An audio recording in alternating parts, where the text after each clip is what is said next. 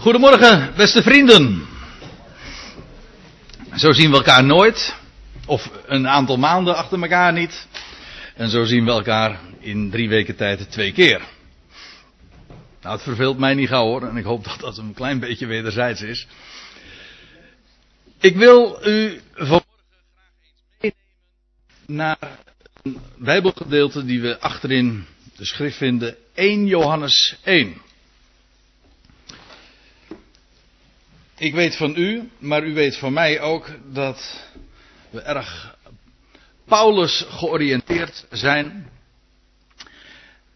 En dat heeft zo zijn redenen. Immers, hij is de apostel van de natie. Hij is de apostel die de verborgenheid van de tegenwoordige tijd bekend maakt. Maar dat zou ons. Dat zou ons er niet toe moeten leiden dat we dus minder aandacht zouden geven aan, aan de andere geschriften. De, het gevaar van eenzijdigheid ligt altijd op de loer. Ik bedoel, al de schrift is van God gegeven en nuttig om te onderwijzen en om te onderrichten en om daarin opgebouwd te worden.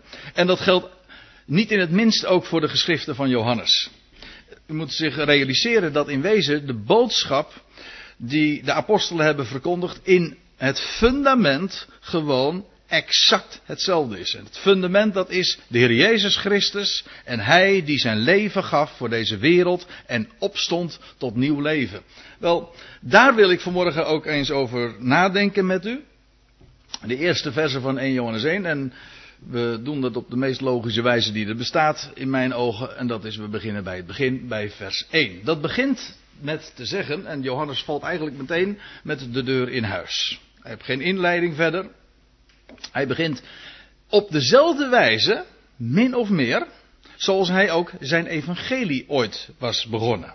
Ik ga er even vanuit dat hij dat eerder heeft geschreven.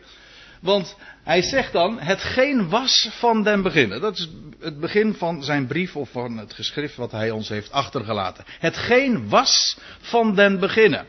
En als u een beetje bijbelvast bent, dan weet u dat dit als twee druppels water lijkt op wat we ook vinden in Johannes 1. Daar staat, in den beginnen was het woord, en het woord was bij God, of letterlijk naar God toe, en God was het woord. Nou, alle dingen zijn door het woord geworden. Nou, in Johannes 1 wordt dat uitgebreid beschreven. En als daar staat in 1 Johannes 1 hetgeen was van den beginnen, dan refereert dat aan. Dan weten we ook meteen over wat hij het heeft, over, waarover hij het heeft. Namelijk over het woord. Hetgeen was van den beginnen, wel dat had hij al e- veel eerder uitgelegd, namelijk in zijn evangelie. In de beginnen was het woord. En dat blijkt dan ook wel, ik moet er trouwens nog even iets bij zeggen voordat ik het vergeet. Het woord, dat is, ja, in, in, in het Grieks is dat het woordje, wij kennen dat wel, logos. Ons woord logisch is daar ook van afgeleid. Logos, dat is in wezen een uh, ja, woord. Het is expressie, zich uitdrukken. Het kan zelfs getal betekenen. De uitdrukking van. Hij is het woord van God. De uitdrukking van God. God, de onzienlijke, maar hij is de expressie daarvan.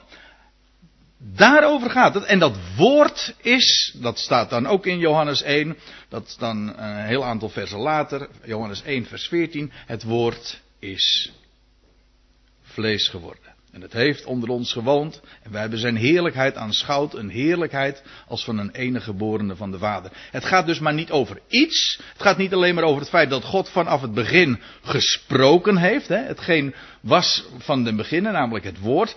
Maar het woord is iemand. Nou, dat blijkt dan ook, want als je in Johannes 1 dan verder gaat, hè, hetgeen was van de beginnen, namelijk, dat moet blijken, het woord. We zullen dat trouwens straks ook nog zien. Hetgeen wij gehoord hebben, hetgeen wij gezien hebben met onze eigen ogen, hetgeen wij aanschouwd hebben, dat is nog wat sterker dan alleen zien. Je kunt iets zien, maar het, Aanschouwen, dat is nog sterker. Hè? Het nog nader bezien. Echt observeren. Nauwkeurig bekijken. Dus alle zintuigen, dat blijkt ook nog uit het vervolg, want ook de tastzin blijkt er nog bij betrokken te zijn. We praten maar niet over iets abstracts. Nee, we praten over concrete dingen.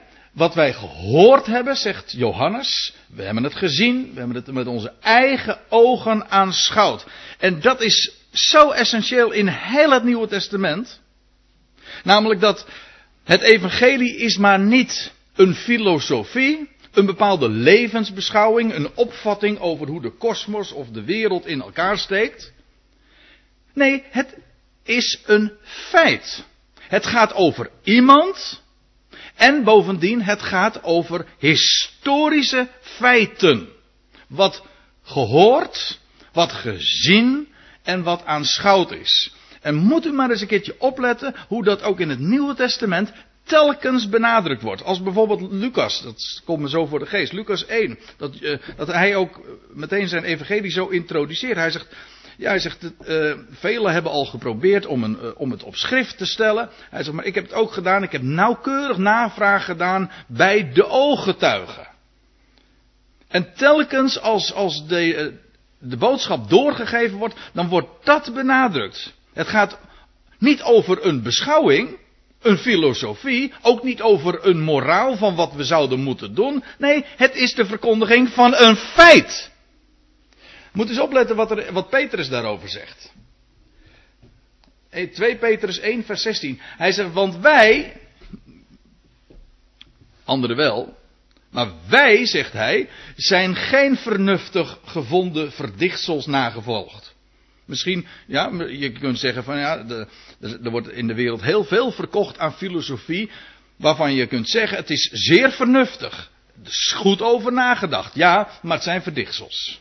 Het is bedacht door de mens zelf. Het is uit de mens zelf voortgekomen. En of het nou vernuftig is of niet, welk predicaat je er ook aan toevoegt, dat maakt geen verschil. Het zijn verdichtsels. En Petrus zegt, wij zijn geen vernuftig gevonden verdichtsels nagevolgd. Toen wij u de kracht en de komst van onze Heer Jezus Christus hebben verkondigd, maar wij zijn ooggetuigen geweest van Zijn majesteit. Dat is precies wat het evangelie karakteriseert. En moet u maar eens opletten, als je dat bij Paulus ook leest, 1 Korinthe 15, dat hij dat zo, als hij zo naar voren brengt, dat Jezus Christus is gestorven, begraven en opgewekt. En dan zegt hij, nou, hij, is hij is aan velen verschenen. En hij noemt ze. Op een gegeven ogenblik zelfs aan 500 broeders tegelijk. En dan zegt hij, als, en als laatste is hij ook aan mij verschenen. Ooggetuigen. De, het Nieuwe Testament is niks anders dan de weerslag van wat ooggetuigen zelf hebben opgetekend. Zij hebben het gezien, zij hebben het gehoord. En zo zijn ze ook de wereld ingegaan. Zo hebben zij ook eh, de geschriften nagelaten, zodat het het Nieuwe Testament niets anders dan een historisch document is. Een document over de meest belangwekkende, revolutionaire feiten die ooit in de wereldgeschiedenis hebben plaatsgevonden. Namelijk de overwinning op de dood. Daar gaat het hier ook over. Daarom zeg ik het ook zo. Johannes vervolgt nog met zijn brief. Hij zegt: En onze handen hebben het ook getast. Van het woord des levens. Ik zei al, hij heeft het hier over het woord, het kan niet missen. Maar hier wordt het ook zo concreet nog gezegd. Het woord des levens. Waaruit mee trouwens ook gezegd is. Het gaat hier over het woord, de Heer Jezus Christus. Ja, maar hij is het woord van het leven. Die de dood heeft overwonnen. En daarom is het woord van leven. Hij zegt, en onze handen hebben het zelfs getast. En als ik me niet vergis, refereert hij ook aan iets wat, wat juist Johannes ook in zijn evangelie heeft opgetekend. U kent de geschiedenis van Thomas. Dat de heer Jezus op de. Nee, het was niet op de dag van zijn opstanding, het was een week later. Maar dat, eh, dat Thomas was er aanvankelijk niet bij. U kent de geschiedenis en dan zegt de Heer Jezus als hij in hun midden verschijnt. Daarna zeide hij, dat is Jezus dus, tot Thomas: Breng uw vinger hier en zie mijn handen. En breng uw hand en steek die in mijn zijde. Wees niet ongelovig, maar gelovig. Het onze, we, hebben het we hebben het gehoord, we hebben het gezien, we hebben het zo kunnen observeren. We stonden erbij en we keken ernaar. En we konden het met onze handen tasten. Thomas heeft het trouwens niet eens meer hoeven doen, weet u dat? Je leest dat je Thomas op het moment dat hij dat ziet, valt hij zo voor de Heer neer.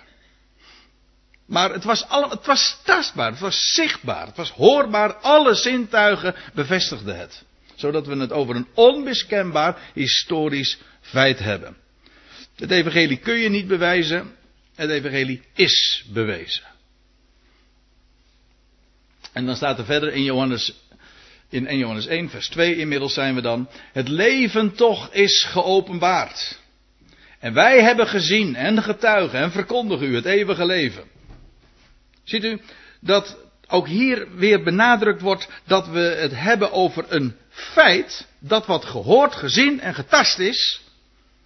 Hij zegt, het leven nu is geopenbaard. Hij zegt, en we hebben het gezien en we getuigen. En we verkondigen u het eeuwige leven. Zo, zo, zo noemt Johannes dat in zijn geschriften heel vaak. Er is geen schrijver van het Nieuwe Testament die de uitdrukking het eeuwige leven zo dikwijls gebruikt als hij. Het eeuwige leven, letterlijk betekent dat, zo wordt het ook in het Nieuwe Testament uitgelegd. Het, het is het leven van, ja, van het eeuwige leven. Dat is eigenlijk het leven van de eeuw. Dat wil zeggen het leven van die toekomende eeuw, waar de Bijbel over spreekt. De toekomende aion. En bij Johannes is het ook vaak synoniem, een ander woord voor het leven van de opstanding. Want in die toekomende eeuw, dat zal ook de, de eeuw zijn, de aion, die gekenmerkt wordt door opstandingsleven. Vandaar ook dat het eeuwige leven een uitdrukking is van het leven van de toekomende eeuw, maar daarmee ook het leven van de opstanding. Wel, daar gaat het hier ook over. Het leven is nu geopenbaard. Hij zegt, het, het was bij de Vader en het is nu aan ons geopenbaard. Kijk, het idee is, het leven dat was al bij de Vader. Per slotverrekening, de Vader, God, is de levende God. Maar goed, daar is een sterfelijke, vergankelijke wereld waar wij ons in bevinden.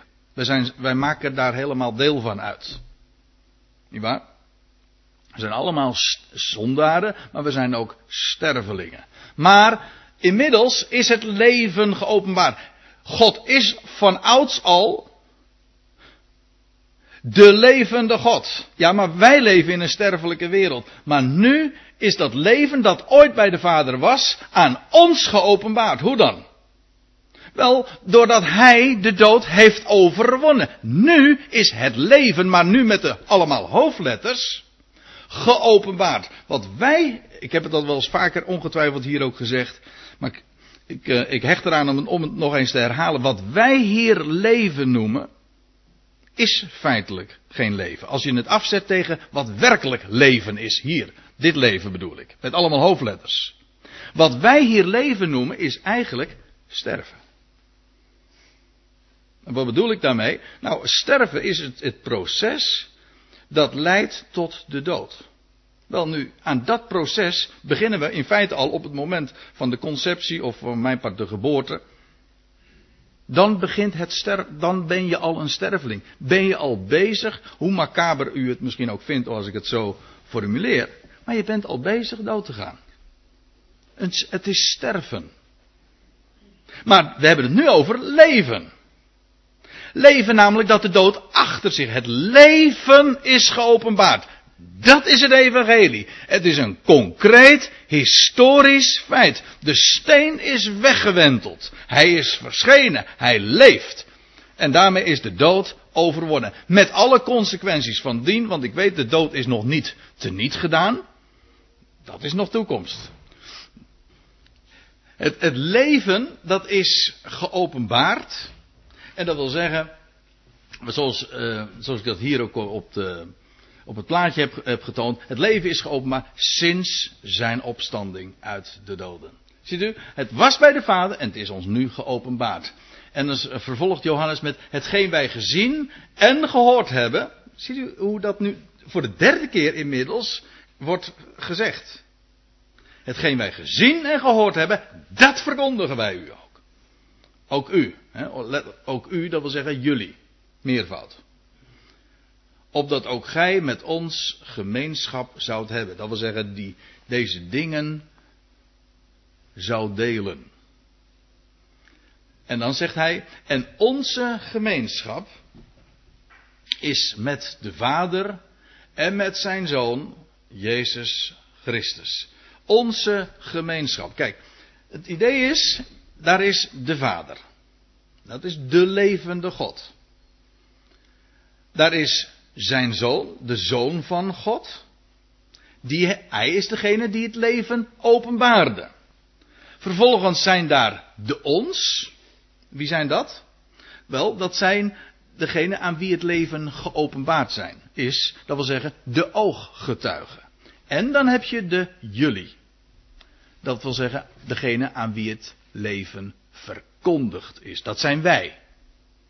Die dingen moet je hier onderscheiden. Er wordt is sprake van de Vader, de levende God, de enige waarachtige God, Jezus Christus, zijn Zoon, die het leven geopenbaard heeft. Daar zijn de ooggetuigen in de eerste eeuw, degene die dat gezien en gehoord en getast hebben. En vervolgens zijn daar de jullie, aan wie het verkondigd is. En daar horen wij ook bij.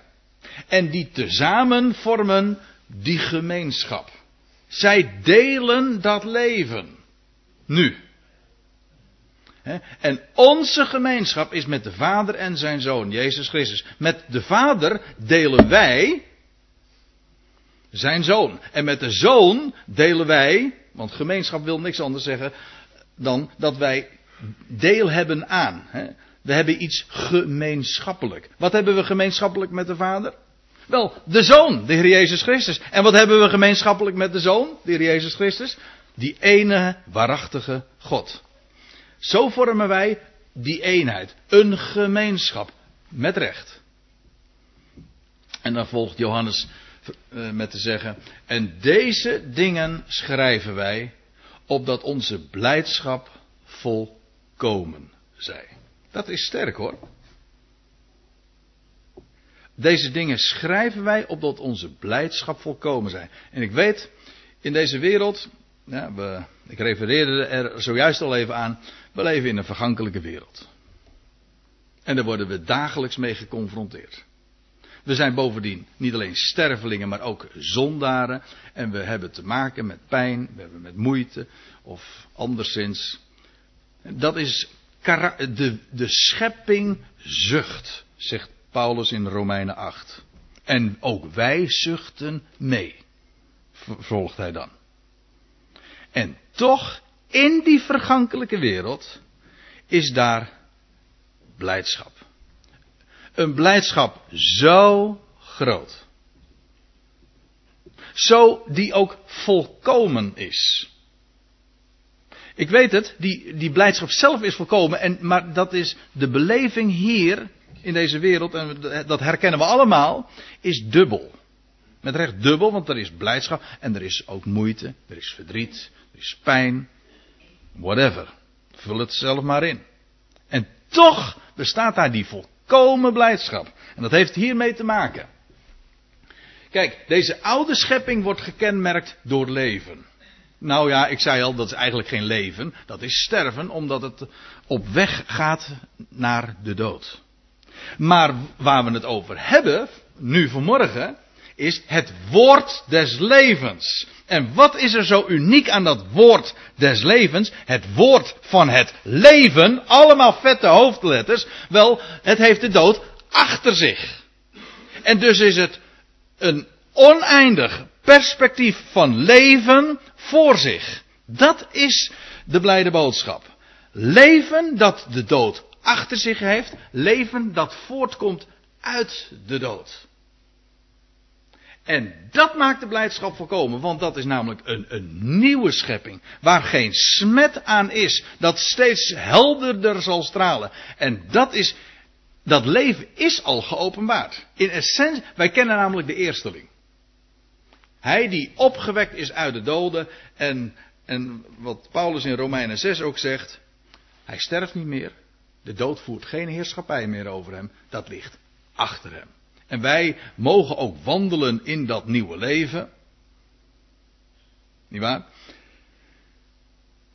En dat leven, dat is sterker dan de dood. En als we, ja, dat leven dat gaat steeds, uh, ik zei al, steeds helderder stralen. Waarom? Wel, nu is er nog maar één die dat leven kent aan den lijve. Hij, hè, hij is de enige die onsterfelijkheid heeft, zegt Paulus in 1 Timotheus 6. Hij is nu, nu nog de enige. Maar de, de volgende lichting, dat zijn zij die van Christus zijn. Hè? 1 Korinthe 5. Zij die van Christus zijn bij zijn parousia. Nou, dat, ook dat gaat trouwens nog weer gefaseerd, dat wil zeggen in verschillende rangorden. Bij God gaat het allemaal volgens zijn plan. Maar uiteindelijk leidt het ertoe dat de dood als laatste vijand zal zijn teniet gedaan. En dan zal er geen dood meer zijn. En dan zal het mensdom, de schepping, gekenmerkt worden door puur, maar dan ook werkelijk puur leven. Dan is er geen dood meer. Kijk, dat is een perspectief dat het evangelie kenmerkt. En daar verblijden we ons in. Want dat leven gaat steeds helderder stralen. Steeds groter. Totdat het werkelijk allesomvattend is. En zal blijken te zijn. En als Johannes hier zegt, en deze dingen schrijven wij opdat onze blijdschap volkomen zij, dan is dat logisch. Weet u waarom? Omdat dat woord van het leven werkelijk sterker is dan alle duisternis en dood en zonde. Het is zo onovertroffen en het bewerkt een volkomen vreugde. En daarom, daarom komen we ook bij elkaar. Om, ons, om elkaar daarop te oriënteren, daarop te wijzen. Zodat we de, de maximaal, als ik het zo mag zeggen, in economische termen, maximaal rendement aan, aan, uit die blijdschap die daar ligt, ook zouden onttrekken. Ons daarin elke dag zouden verheugen. En daarop, zoals wij dat elke zondagochtend altijd zingen bij eh, het ontbijt, standvastig, onwankelbaar, altijd overvloedig in dat werk dat Hij zo door zijn woord doet. Ik lees even verder. En op het eerste gezicht zou je denken, als je Johannes en zijn geschriften niet zou kennen, dan zou je zeggen dat hij nu een ander onderwerp aansnijdt. Maar ik wil u laten zien dat dat niet het geval is. Er staat uh, vervolgens, en dit is de verkondiging. Nou, over die verkondiging had hij het al gehad. Wat, wat is verkondigd? Nou, dat, wat, wat hij als ooggetuige gezien en gehoord en getast heeft. Het woord van het leven. Hij zegt, maar dit is de verkondiging die wij van hem gehoord hebben en nu ook verkondigen. God is licht en in hem is in het geheel geen duisternis. Heeft hij het over iets anders? Nee. Hij heeft nu nog over exact hetzelfde. Ik zal het u laten zien. Licht, namelijk, is in de Bijbel synoniem met leven. Bij Johannes zegt dat trouwens ook zo. Hè? Ik had het net over Johannes 1, maar dan, dan lees je eh, even later, eh, wat is het, vers 2, 3 of 4. Dan zegt hij, in het woord was leven. En hoe gaat hij verder? En het leven was het licht der mensen. Het licht des levens spreekt de Bijbel dan ook over. Oh, wacht even, dat is natuurlijk ook zo. In Johannes 8, vers 12 wordt die uitdrukking ook gebruikt. Dan zegt Jezus, uh, in, ja, in Johannes 8 staat dat, ik ben het licht van de wereld. En wie mij volgt, zal nimmer in de duisternis wandelen, maar hij zal het licht des levens hebben. Dat wil zeggen, het licht van het leven. Als de heer Jezus zegt, ik ben het licht, daarmee zegt hij in feite hetzelfde als wat er een paar hoofdstukken later staat. Ik ben de opstanding en het leven. Want dat licht, dat is het leven. Wie wandelt in dat licht, dat sterker is dan de duisternis. Duisternis is in de Bijbel trouwens, dat is dan ook logisch. Als licht een ander woord is voor leven, dan is duisternis een ander woord voor dood. Een, een dal van schaduwen des doods. Overal in de Bijbel zie je dat. Wie, wie mij volgt, zal nimmer in de duisternis wandelen, maar hij zal het licht van het leven hebben. Wel, daar heeft Johannes het hier in, in Johannes 1 eh, vers 5 ook over. En dan zegt hij, indien wij zeggen dat wij gemeenschap met hem hebben, en in de duisternis wandelen, ja, ik kan wel even verder lezen. Dan zegt hij van, dan liegen wij. Dat kan namelijk helemaal niet. Maar laat ik eventjes op dat in de duisternis wandelen. Uh, laten we daar eens eventjes op inzoomen. Dan komen we toch nog weer even bij Paulus terecht. Want Paulus schrijft in Efeze 5. Want gij waart vroeger duisternis. Maar thans zijt gij licht in de Heer. Dus die, die, die, die beeldspraak van licht en duisternis, wat zo dikwijls in de Bijbel gebruikt. Zo doen wij trouwens ook. Als, als, je, als je zicht krijgt op dingen, dan heb je het licht gezien. Je hebt licht op iets. De mensen, de wereld wandelt in de duisternis.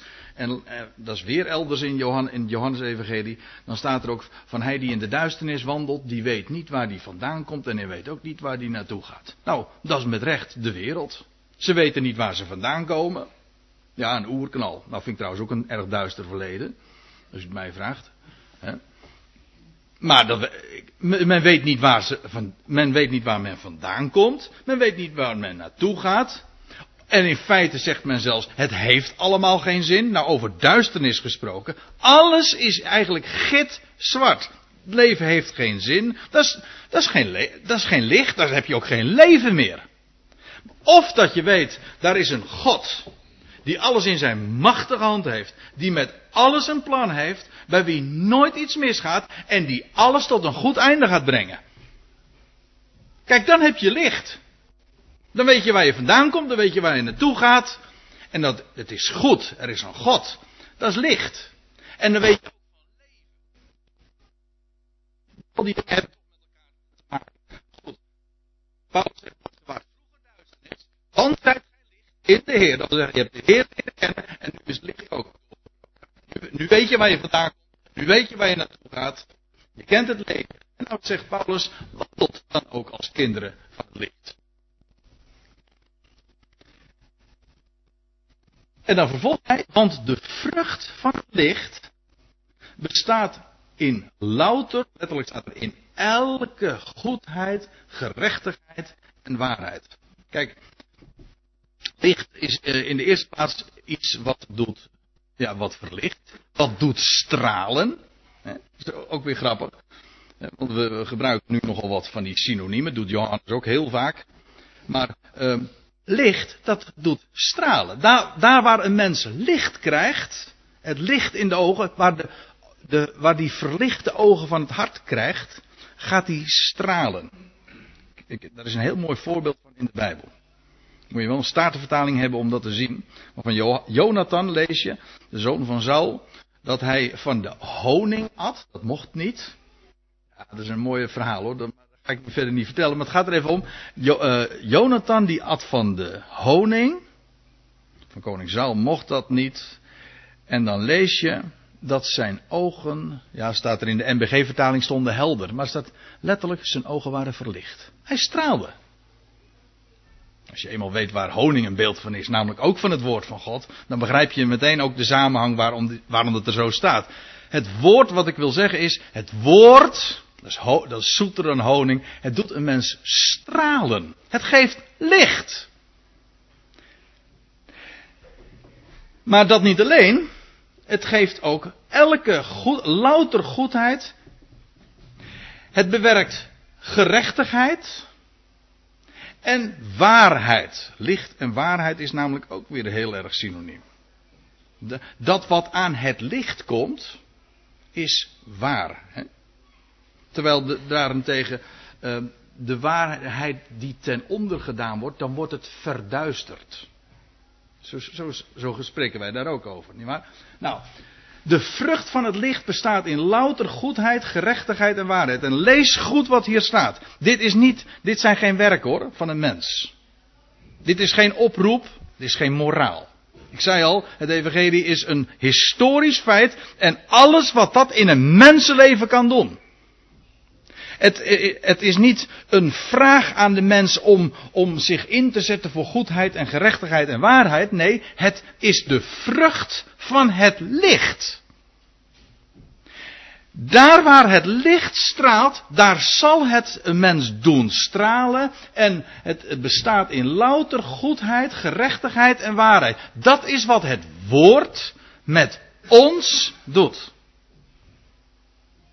Zo liggen de accenten in de Bijbel. De Bijbel gaat er niet over, over wat wij met het woord doen. Ik hoor het zo vaak. Ik hoor het ook vanaf de kansel nog eens een keertje. Hè, wat doen wij met het woord? Houd toch op. Dat, dat, is, dat is niet waar het in de Bijbel om gaat. Het gaat erom dat we wandelen in het licht, wat het woord met ons doet en wat de vrucht van het licht is. Het is niet het, het werk van ons. Vrucht staat in de Bijbel trouwens altijd tegenover werken. De vrucht van de geest, gelaten 5, en de werken van het vlees, eigen inspanningen. Het licht bewerkt. Nee, ja, nee, zeg ik het zelf verkeerd. Het licht heeft als vrucht, als resultaat, als, als natuurlijk, vanzelfsprekend resultaat, dat het goedheid voortbrengt. Gerechtigheid, waarheid. Dat is allemaal de, de, de potentie, de kracht van het licht, van het woord van het leven. Dat wat de Heer Jezus Christus bewerkt. Maar u begrijpt, ik, ik, ik heb het nu over de schrift, ik heb het over de waarheid, ik heb het over de Heer Jezus Christus, ik heb het over het woord van het leven. En uiteindelijk is het allemaal hetzelfde. Het is één. Maar dat is de vrucht van het, eh, van, van het licht. Ja, Johannes zegt nog van ja, als we nou zeggen dat wij hem. Hoe, schreef hij het nou precies? Indien wij zeggen dat wij gemeenschap met hem hebben en in de duisternis wandelen, en dan zegt hij vervolgens, dan liegen wij en doen de waarheid niet. Hoezo? Nou, het, is heel simpel. Daar waar wij gemeenschap met hem hebben, daar zal de vrucht van het licht zijn dat we ook in het licht gaan wandelen. Als iemand dus niet, als iemand niet in het licht wandelt, is de, is de logische conclusie dat hij kennelijk geen gemeenschap met hem heeft. Niet leeft, niet wandelt dus in het licht. Dan liggen wij en doen de waarheid niet. Niet omdat hij zijn best niet doet. Nee, gewoon omdat hij niet in het licht wandelt. Want dat is het geweldige wat, wat de Bijbel zegt. Kijk, daar waar wij hem kennen, daar, daar hij is dan degene die ons rechtvaardig maakt. Dat is helemaal geen eigen werk. Maar ook heiliging, dat wat hij met ons doet, is puur zijn werk. Dat is de vrucht, om het even in deze termen te zeggen waar we het over hebben. Dat is de vrucht van het licht. En om even aan te sluiten met wat eh, Ron al eerder naar voren bracht. Waar blijft dan het roemen? Dat is uitgesloten. Het is namelijk ons werk niet. Het is dat wat Hij in ons leven bewerkstelligt. Het woord van het leven. Dat is zo'n kracht. Het evangelie is een kracht Gods. Tot alles, hè? Niet alleen maar om, tot redding, maar ook tot heiliging. Alles, dat is het woord van God. En daar waar het woord open gaat, daar, waar dat schijnt in ons leven, dan zal het zijn effect altijd hebben. Dat is zijn verdienst, of zo u wilt, dat is de kracht van het woord. Maar staat er dan in 1 Johannes 1 vers 7, indien wij in het licht wandelen, gelijk hij in het licht is, hij, de Heer Jezus Christus, hij bevindt zich daar in het licht, bij God. Hoe stond het in, eh, in Psalm 36? Psalm 6, want ik heb nu vooral het over de dingen die we in het Nieuwe Testament vinden. Maar ook, in, ook al in het Oude Testament vinden we deze dingen. Want bij u, u kent eh, misschien dit vers wel, een schitterend vers. Psalm 36 vers 9. Want bij u is de bron des levens. Ja, hij is de levende God. En in uw licht zien, zien wij ook het licht. Daar waar zijn licht gaat schijnen, het woord. Uw woord is een lamp voor mijn voet en een licht op mijn pad. Ja. Bij u is de bron van leven. In uw licht zien wij het licht. Zie je trouwens ook hier weer dat leven en licht gewoon min of meer door elkaar gebruikt worden.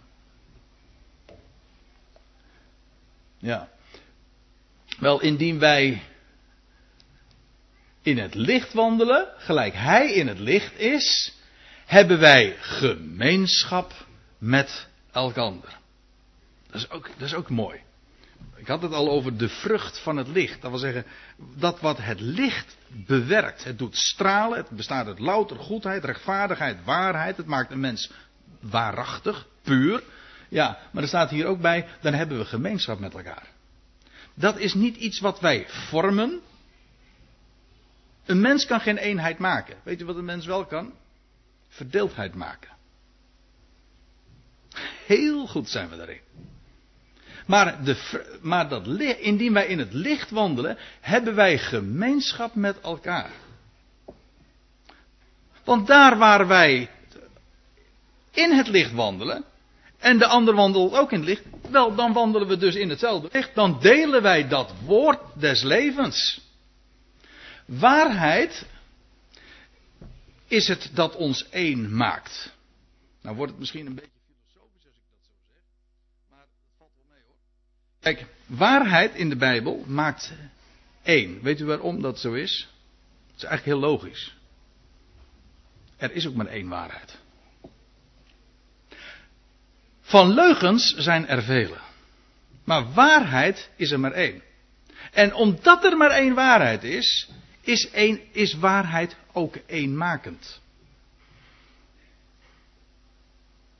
Kijk, ja, uh, geef een simpel voorbeeld. Uh, ik ben 48.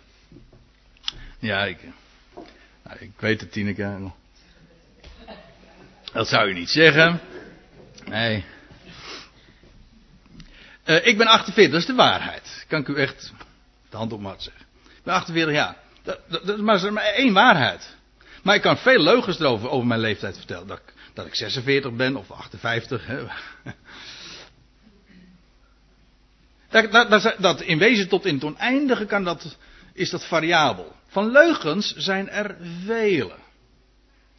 En het maakt de vader der leugen eigenlijk geen barst uit in welke leugen je gelooft. Hij grosseert erin. Hij heeft er genoeg. Maar van de waarheid is er maar één. En daar waar het de waarheid getoond wordt, daar waar, dat geldt trouwens in het algemeen, daar waar we waarachtig leven, daar, dat maakt één. En daarentegen als dingen verborgen worden, bedekt worden, hè, duistere praktijken, dat verdrijft. Dat, dat, daarom is de, wordt deze wereld ook gekenmerkt, ook de religieuze wereld moet ik zeggen, door verdeeldheid en door oorlog. Maar goed, even terug naar waar we het over hadden.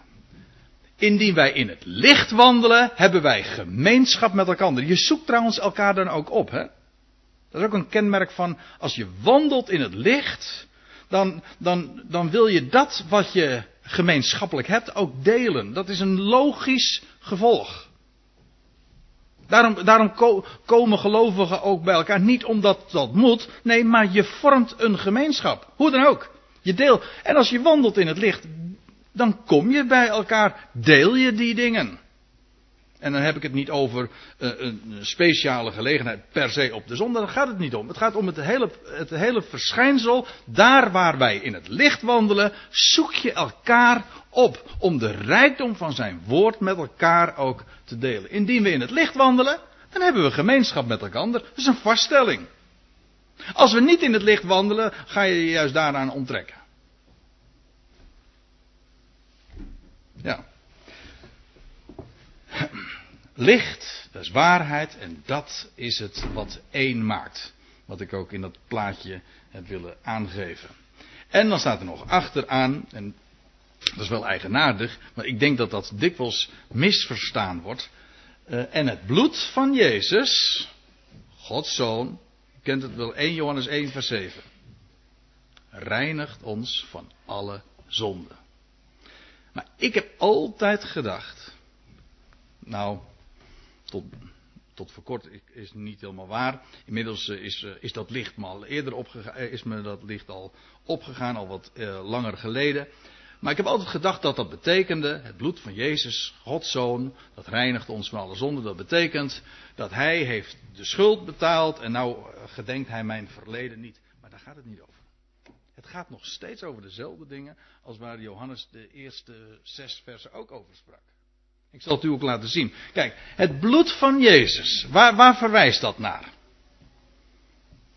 Het, bloed van Jezus verwijst uiteraard naar, naar, naar Golgotha, ja, maar waarom die terminologie van het bloed van?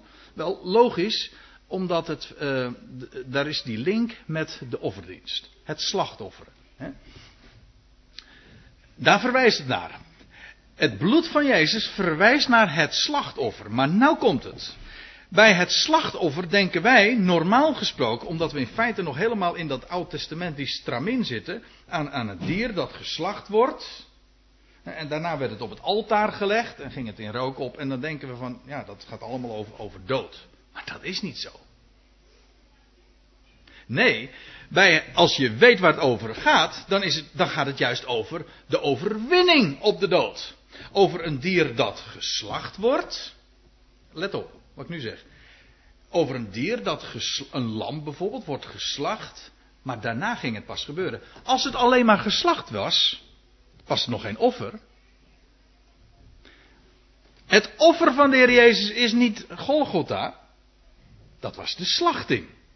Toen werd hij geslacht, inderdaad. Maar het offer vond daarna plaats. Eerst werd een dier geslacht en vervolgens werd het verhoogd op een altaar en ging het ook, steeg het op, goden staat er dan altijd bij, tot een liefelijke reuk. Dus dat is de terminologie in de, in de offerdienst. Het, het werd verhoogd en het steeg op, goden tot een liefelijke reuk. Als ik het zo zeg, dan begrijp je meteen waar het over gaat. Namelijk over de Heer Jezus Christus, die geslacht werd, die stierf, jazeker. Maar is, betekent dat het slachtoffer dus verwijst naar de dood? Nee, in tegendeel. Juist, het verwijst naar wat er gebeurt na de dood. Nadat hij geslacht is.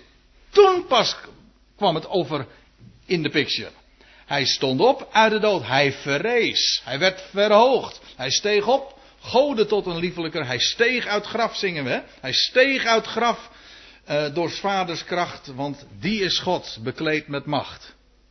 Dat is het slachtoffer. En het bloed van Jezus heeft alles met, te maken met het slachtoffer. Ja, maar bedenk dan wel, het slachtoffer dat leeft. Wij denken bij slachtoffers altijd aan mensen die dood zijn. Hè? Zoveel slachtoffers in Haiti. Allemaal mensen die dood zijn gegaan. Maar in de Bijbel is een slachtoffer juist waar het werkelijk naar verwijst, naar hem die leeft. Die niet alleen geslacht is, maar daarna een offer werd. Ik vind het heel belangrijk om dat goed te onderstrepen. Want dan zie je meteen ook in die offerdienst dat daar het licht van het evangelie schijnt. Van het licht, van het leven. Ja, het, het verwijst naar het lam. Zo staat het trouwens, dat is ook geschreven door Johannes, openbaring 5 vers 6.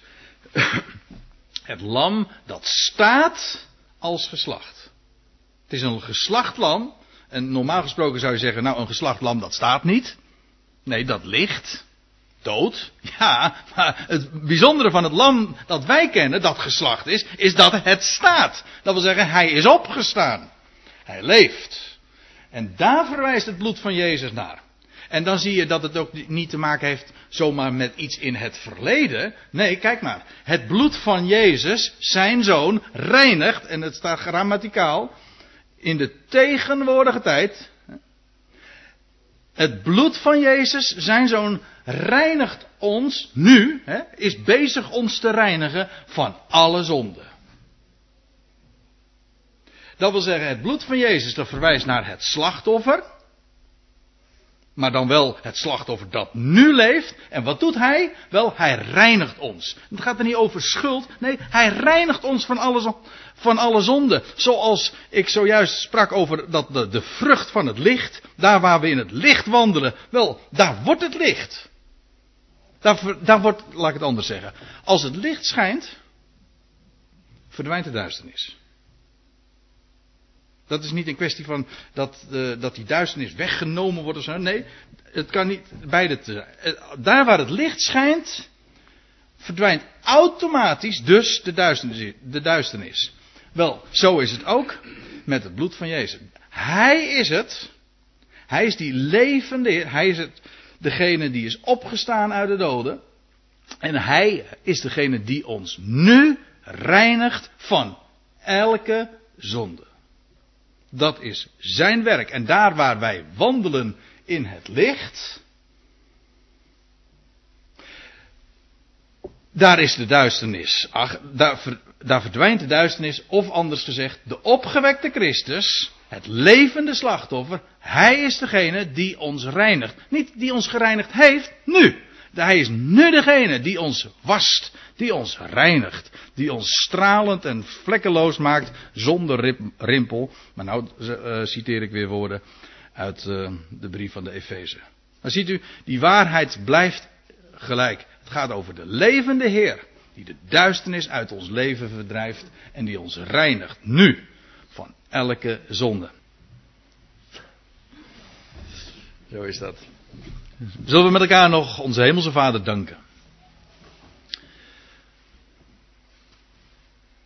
Wat is het een enorm voorrecht, Hemelse Vader, dat we dat licht mogen kennen, dat we in dat licht ook mogen wandelen.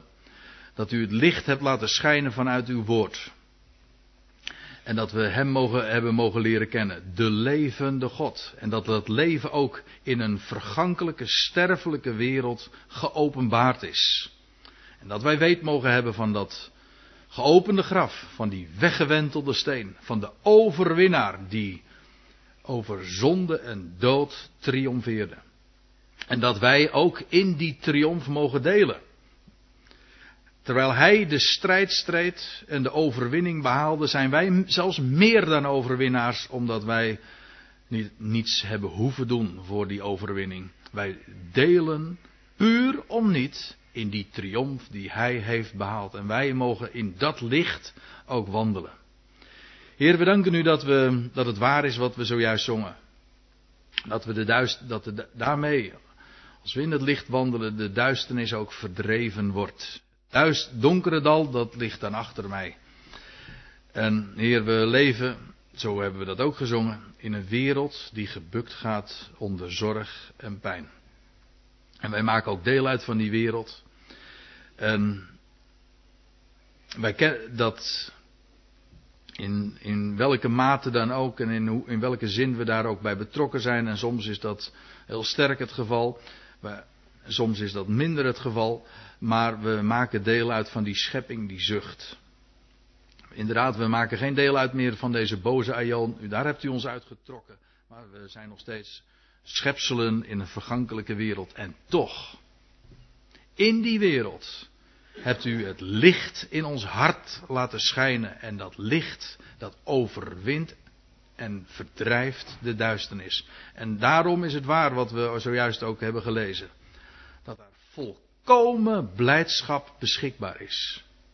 Omdat daar, omdat de, de dood, de zonde, de duisternis, alles wat een mens ook maar zou kunnen deprimeren, dat het in wezen al overwonnen is. En dat we in, op dat standpunt ook mogen staan. Dat we standvastig daar ook in blijven. Dat we ons niet laten meeslepen door wat er in de wereld allemaal gebeurt of, of, of op ons afkomt.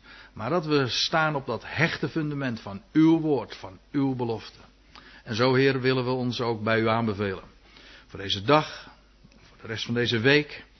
Heer, geef maar dat we voluit ook de, de vreugde daarvan mogen kennen. En dat we mogen wandelen in dat licht. En de vrucht van het licht ook mogen, mogen ervaren van stralen en van louter goedheid, rechtvaardigheid en waarheid. En zo, Heer, willen we u danken voor wat u geeft.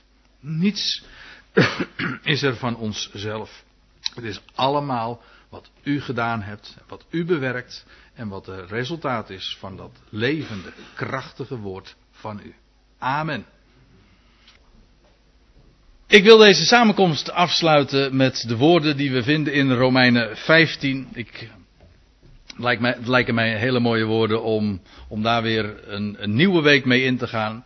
De God nu van de hoop vervullen u met louter vreugde en vrede in het geloof. Om overvloedig te zijn in die hoop. Door de kracht van zijn Heilige Geest. Amen.